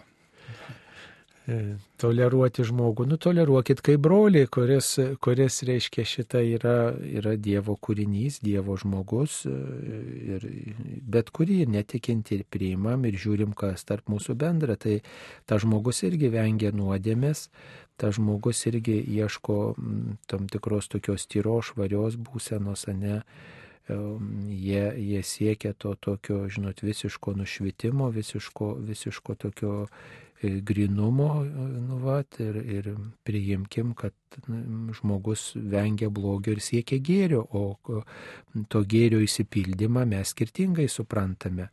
Mes suprantam, kad gėris yra labai asmeniškas, kad jis yra Dievas, o budistai vat, kitaip į tą žiūri, į tam tikrą tokį, iškia, bu, nušvitimą, ne tokią šviesią būseną, vat, kuri amžinybei mm, išeina ir, ir, ir siekia tokio visiško išnykimo, net ta, ta, ta, amžinybėje. Taip mums paskambino. Elena iš Vilniaus. Taip, Elena, klauskite. Per amžius. Yra išganytoje pažadai šventai Brigitai apsireiškimu. Inocentas popiežius dešimtasis juos patvirtino, popiežius Klemensas XII pritarė pamaldumo praktikai, ten yra septynios paslaptis. Vienoje iš jų, antroje, yra melžiamasi už visų žmonių, nu prašant atleidimą, už visų žmonių širdies nuodėmes. O ketvirtoje už visų žmonių dvasinės nuodėmes. Prašyčiau paaiškinti, kaip suprasti, atskirti širdies nuodėmę ir dvasinę nuodėmę kadangi melžiamės, prašom atleidimą, tai nu, norisi labiau suprasti. Ačiū už atsakymą. Taip, širdies nuodėmės, dvasinės nuodėmės. Nu, čia reikėtų gal taip labiau pasidomėti, pasigilinti. Mm, e, e, daugiau gal reikėtų taip paaiškinti, kad, reiškia, e, yra tam tikras toksai širdies nusistatymas reiškia žmogaus vidinis nusistatymas, e, kuris, e, kuris e, nu, apsisprendimuose yra, nes širdis tokia apsisprendimo vieta. Na, tai netinkami tokie pasirinkimai, o dvasinės nuodėmės tai galbūt tos, kurios viduje mūsų širdyje yra atliekamos įvairiuose minčių lygmenyje, ne mūsų tokiam vat, neišeina į išorę, ne kiti žmonės apie jas nežino, nemato. Na, va, bet čia turbūt artimi dalykai būtų. Mm, Ta, ką Brigita turėjo galvoti, tiesiog kitą įsigilinti reikėtų. Dabar neskiriama šiais laikais turbūt, žodžiu, tai stiek yra mes nusidedam protu, mintimis, ne, žodžiais e, ir darbais, ir apsileidimais, ne, tai, tai va per tokią prizmę turbūt žiūrėti reikėtų, ne. Va, tai, tai va taip, taip paaiškintume. Nebent kunigiai jūs ką pridėtumėte. Turbūt čia reikia tada į tą istoriją gilintis, kad galėtume geriau suprasti, ką turėjo tuo metu, kai buvo paskelbtas tos maldos ir ir kalbame apie tas nuodėmės, o dabar iš tikrųjų, kaip ir paminėjote, mes išpažįstame, kad galima nusidėti mintimis, žodžiais, darbais ir apsileidimu. Taigi mintis tai ir yra, ir, ir kartu ir, ir dvasinė, ir minti, mintinės nuodėmė, mintimis nusidedame. Taip. Taip, dar čia vat, pavyko šiek tiek rasti informacijos apie budizmą. Tai budizmo, būdos mokymas propaguoja žmogaus tobulėjimą ir moko, kad žmogus pats kuria savo likimą. Tai iš dalies artima ir, ir mums, ne kad mes taip pat savo pasirinkimais kuriam savo ateitį. Tačiau budistinis mąstymas nepripažįsta vienos mens garbinimo žmogaus ar dievo. Ir budizmo esmė tai tikėjimas, kad atbusti arba nušvisti gali bet kuris žmogus, kuris vis besikartojančio atgimimų tiekmėje vadovaus būdos pavyzdžių bei mokymų ir remsis savo asmeninėmis pastangomis. Budizmo tikslas - atbusti pačiam ir padėti išsigelbėti iš skausmingo atgimimo visoms kitoms būtybėms pasiekti nirvaną, tą galutinį nušvitimą. Nu va, tai, tai tikrai e, mūsų radijas skirtas skelbti tikėjimą, skelbti krikščionišką tikėjimą ir mes pabrėžiam, kad mūsų tikslas yra pasiekti bendrystę su Dievu, bendrystę su Dievu, jo valią įgyvendinti ir, ir stengtis atpažinti, ko viešpats e, iš mūsų prašo, ko viešpats iš mūsų nori, kur mus kreipia. Va, ir kokiu, kokiu keliu eidami mes galėtume kuo geriau atlikti savo misiją. Ir vienas čia klausytojas, e, pastovus mūsų klausytojas čia apipylė mus klausimais ir vienas štai toks jo klausimas. Jėzus sako, atėjau vykdyti ne savo valios, o to, kuris mane siuntė. Ar tai reiškia, kad jis neturėjo savo laisvos valios, jeigu tie trys asmenys yra lygiai reikšmiai, kaip gali nurodinėti vienas kitam. Na tai va, tai taip kaip Jėzus sako, aš atėjau vykdyti Dievo valios, taip ir mes norime kad mūsų žmogiška valia sutaptų su jo valia, kad taip sakant, kad mes bendradarbiautume, kad mes norėtume to, ko Dievas nori, kad ne iš savo puikybės veiktume, bet stengtumės bendradarbiauti su Dievu ir savo įvairiuose pasirinkimuose, kurie skirti mums, mes įgyvendintume tą pagrindinį Dievo troškimą. Suprantat, yra tam tikras toks pagrindinis Dievo projektas. Tu mylėk kitą žmogų, tu siek gerų dalykų, bet kaip tu sieksi, tai palikta tam tikrai žmogaus kūrybai. Aš galiu mylėti žmogų ir tikrai jam, jam pasakyti gerą žodį, galiu nupirkti batus, galiu jį aplankyti, galiu paskambinti. Mano mano palikta laisvė, ne? bet, bet reiškia pagrindinis dalykas, kad tu, tau, kad būtų svarbus kitas žmogus, ne? kad tu kitą žmogų priimtum kaip svarbu, reikšmingą. O kaip tu tą darysi, tai jau palikta žmogaus valiai, žmogaus pasirinkimo tokiam kūrybingumui. Taip, dar čia tas pats klausytojas klausė, o jei dosnus yra agnostikas, nes Lojola sakė, kad kitaminčius reikia bausti. Nu tai ką dabar? Lojola tikrai norėjo ginti krikščionių tikėjimą, katalikų tikėjimą, ar ne taip. E, kad, nesu girdėjęs, kad reiškia, jis būtų sakęs, kad reikia bausti. Taip. Reikia jis skelbė, kad atsiverstų, bet kad bausti, tai e, paprastai tas paliekama Dievui, Dievas e, atlygina irgi, nesakom, kad baudžia, galbūt kurie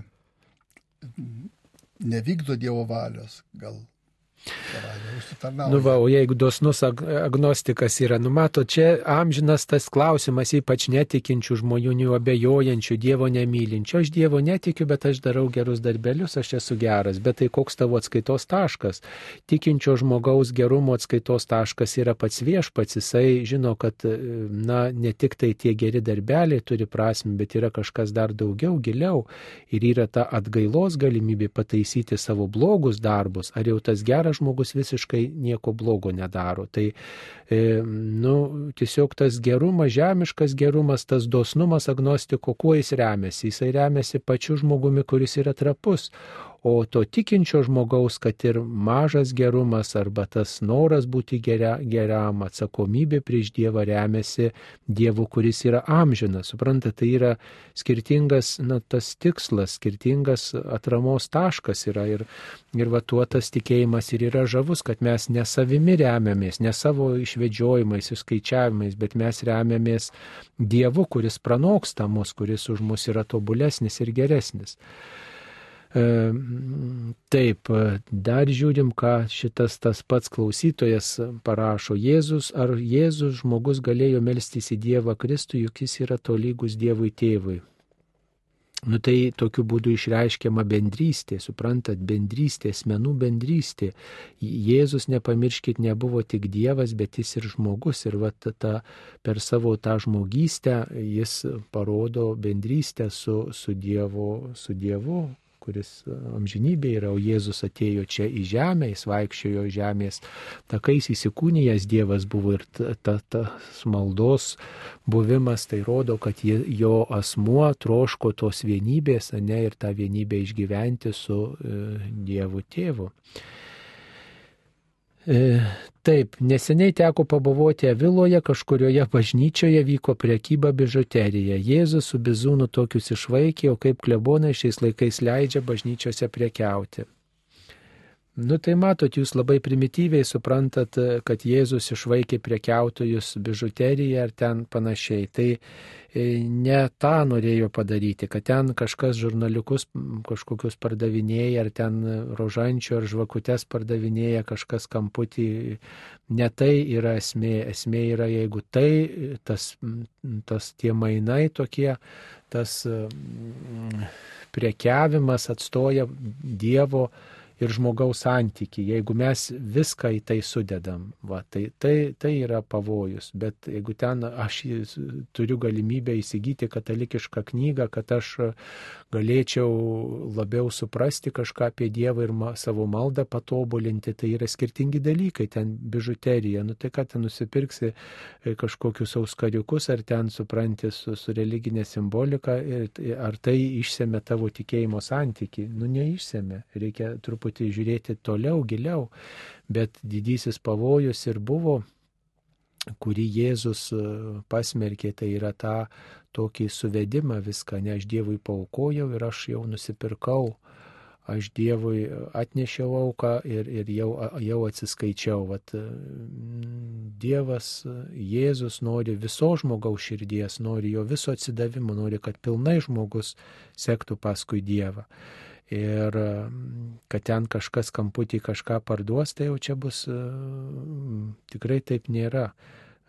Nebus tai pasaulio pabaiga ir nebus tai Dievo kažkoks paniekinimas, kaip kartais įsivaizduojama. Tai truputį yra skirtingi dalykai, kai mes vat, norim visą tą reiškia kažkokių žvakučių priekybą ar maldynų priekybą suvesti su tuo pačiu, ką Jėzus Evangelijoje pagal Joną minėjo, kad jis išvaikė prekiautojus. Ar ne taip, kunigė? Dažnai nuvykę žmonės į kokį nors kitą šventovę, kitoj šaly, nori kažką apie tą šventovę gauti, ar kokio nors prisiminimų į kažką nusipirkti, tai paprastai visada tose šventovėse arba juose pačiose kamputį kažkur, arba šalia yra ir ta priekyba vykdoma e, įvairių, ar ten apie knygučių, brošiūrėlių, ar kitokių religinių reikmenų, ar ten rožančių. Taigi nes iš tikrųjų žmonėms to reikia ir žmonės to nori ir, ir sudaromos sąlygos, tai aš čia nematau, kad čia vykdoma kažkokia priekyba ar biznis, kur mm, užmirštamas pagrindinis dalykas ar, arba tai, dėl ko atvažiavam tas šventasis ar, arba Dievas yra užgožiamas priekyba. Taip. Ar Dievas atleis man už tai, kad kartais buvau grubi bejėgiai, amžinatelis į mamai, dėjavau, kad sunku slaugyti ir prašiau Dievo jai greitesnės mirties, o dabar nežmoniškai gailiuosi, iš pažinties buvau daugybę kartų. Taip Dievas atleis kiekvieną e, nuodėmę, jeigu tik žmogus gailėsi, supraskite, kad tada E, tada, kai slaugėt, jūs iš tiesų nu, buvot prieėjus ir savo kantrumo ribas, ir pavargus buvot, ir, ir nusivylus, ir, ir jums pačiai pagalbos reikėjo. Tai, tai ir buvo tas toksai, nu, vad, bejėgiškumas išsprūdęs, kad ir prašyt greitesnės mirties ir, ir, ir buvot grubi, bet dabar galit melstis už savo mamą ir, ir tiesiog išgyventi tą tokį gerumą ir tas gerumas niekur jisai, kaip sako, nedingsta, jeigu Dievo akivaizdu tikrai ir ilgitės mamos ir gerą žodį Dievui pasakot maldo ir, ir tiesiog linkit šviesos maldos savo mamai, tai tokiu būdu parodot savo meilę ir tikrai tegul viešpats jums ramybę siunčia. Taip. Nėra tokių nuodėmių, kurių Dievas netleistų, jeigu žmogus tikrai gailisi ir jas išpažįsta. Taigi visos nuodėmės yra atleidžiamos ir čia jūs pasitikėkite Dievo gailestingumu. E, dar viena žinutė. Blogai jaučiuosi ir artimo žmogaus prašymų kalbėjau su žiniuonė. Šis sako, kad prieš 17 metų kažkokia moteris ėmė kenkti man ir tęsė tai ar verta gilintis į tai krikščioniai. Krikščioniai verta skubėti iš pažinties, tiesiog tekinai bėkite, tekina bėkite iš pažinties ir išpažinkite, kad jūs kalbėjot su žiniuonė ir kad jūs e, tikite tokiais dalykais, kad leidžiate tokiems dalykams veikti. Jūs kuo greičiau atsigręžkite į Dievą ir išpažinkit, atsižadėkite bet kokios įtakos, bet kokių žiniuonių įtakos ir geriau reguliariai eikit iš pažinties, eikit komunijos ir, ir, ir stiprinkit savo tikėjimą, nes jeigu mes nestiprinam savo tikėjimą, tai žinoma, bet kokios žiniuonės, ypač jeigu mes į jas kreipiamės ir, ir, ir, ir visokie užkalbėtojai, visokie burtininkai gali turėti mums tikrai lemiamos įtakos mūsų pasirinkimams. Jeigu kaip sako, pilis nėra ginama, tai ji yra nugalima, užpuolikai įveikia e, tą pilį, reikia pilį ginti ir būdėti prie pilies kad ji būtų nuolat saugoma, kaip ir valstybės sienos turi būti saugomos, ne nuo bet kokios intervencijos, nuo visokių keistuolių, provokatorių, nuo prašalaičių, nuo kontrabandininkų, nuo nusikaltelių ir įleidžiami tik tie, kurie legaliai atvyksta į tą valstybę a ne taip, tai, tai ir žmogus turėtų, turėtų vat, tokiu būdu ginti save, va, kai mes melžiamės, kai mes saugomės nuo nuodėmės, einam iš pažinties, tai mes ginam savo savo asmens pilį, save kaip valstybę gina mane ir, ir kai mes kreipiamės į kažkokius žiniuonės, į burtininkų klausom, kad ir kažkas labai gražiai paprašo, kažkas labai gražiai palinkia ir labai e, tiesiog pasako, kad čia vat labai gerai būtų, tai reiškia mes įsileidžiam kažkokį provokatorių, kažkokį kontrabandininką į savo valstybę, į savo šalį, į savo gyvenimą įsileidžiam, kuris padaro didžiulį nuostolį man. Ir tiesiog nereikia tokiom provokacijom pasiduoti, žinoti.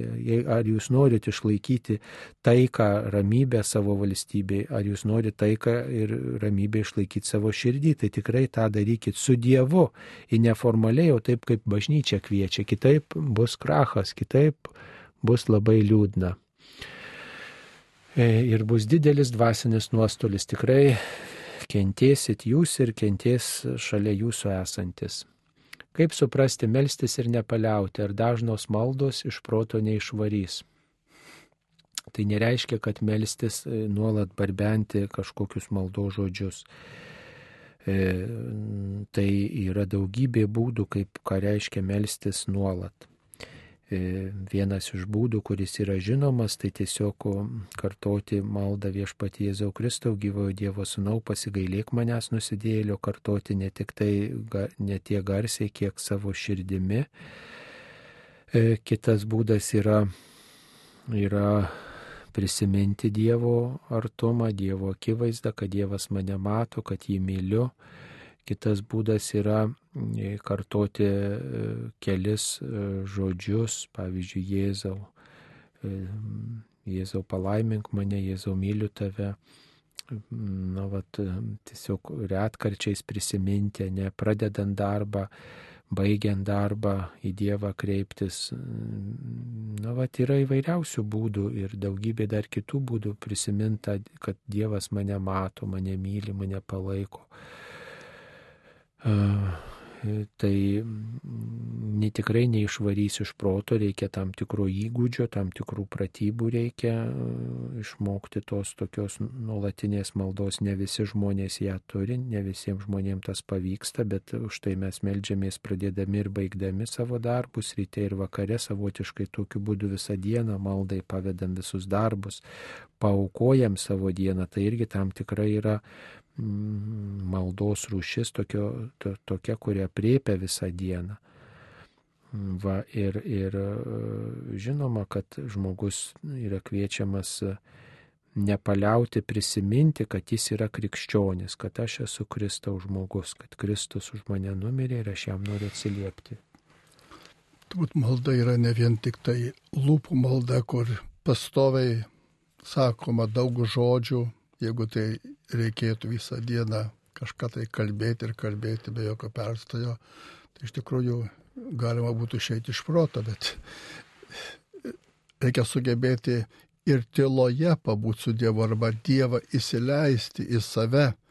Todėl jeigu pabūdė rytą mes persižegnojam kažkokią maldą, kad ir trumpą sukalbam ir pavedam visos dienos darbus, visą veiklą Dievui, tai ir tie darbai, ta veikla bus kaip malda.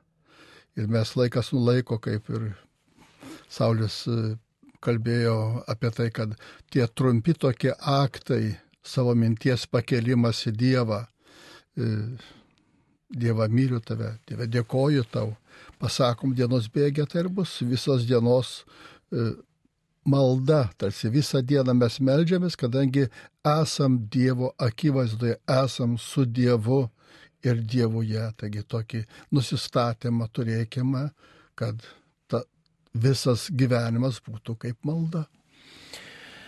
Na, dažnai pasitaikantis klausimas, norėjau pasiteirauti, kaip bažnyčia žiūri į homeopatiją. Tai bažnyčios dokumentuose mm, yra pasakyta ir egzorcistai vis dėlto žiūri šią sritį labai skeptiškai ir nepritarė tokiam, tokia, to, tokiam e, vaistų gamybos būdų ir tokiam vaistų vartojimui, nes e, mažai žinoma apie tai, kad ten būtų veiklioji medžiaga, kuri priimama kaip gydanti žmogaus lygą.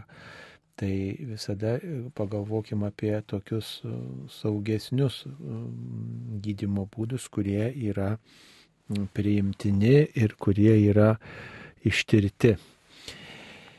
Paaiškinkite, prašau, kodėl maldoje tavo apginimo šaukėmės Marija vadinama mūsų valdovė, argi ji mus valdo.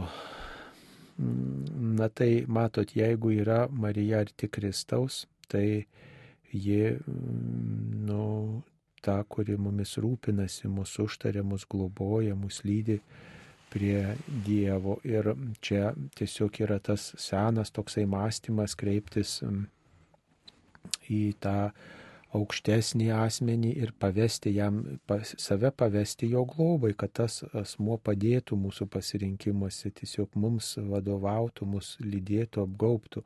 Nu, panašiai kaip ir mamos prašot globoti, užtarti, išklausyti, paguosti, tai tam tikrą prasme tada mes pasivedam tuos mens įtakai, vald... tai ir pasireiškia tas valdymas. Čia Marijos radijas. Tai reiškia, kad Marija įsakinėja mums, tai reiškia, kad ji mus globoja.